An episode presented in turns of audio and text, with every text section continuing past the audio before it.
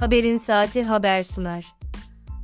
Almanya'dan deprem bölgesine uzanan mektup kardeşliği.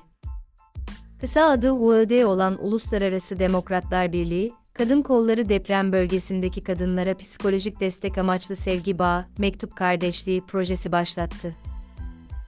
Kahramanmaraş merkezli 7.7 ve 7.6 büyüklüğündeki iki depremin ardından UAD Kadın Kolları tarafından Sevgi Bağ Kadınlar Arası Mektup Kardeşliği projesini hayata geçirdi. UAD Kadın Kolları Başkanı Kübra Arıcı Sorrentino tarafından yapılan açıklamada, dedik ya hep durmayacağız, yaraları sarmadan, acılara merhem olmadan durmayacağız. Her alanda her daim UAD kadınlar olarak elimizden gelen üstün gayretlerle milletimizin yanında olacağız. Bu vesileyle yeni psikolojik destek projemizle kadınlarımıza moral olmayı hedefliyoruz. Gelin hep birlikte depremzede kadınlarımızla sevgi bağımızı güçlendirelim denildi.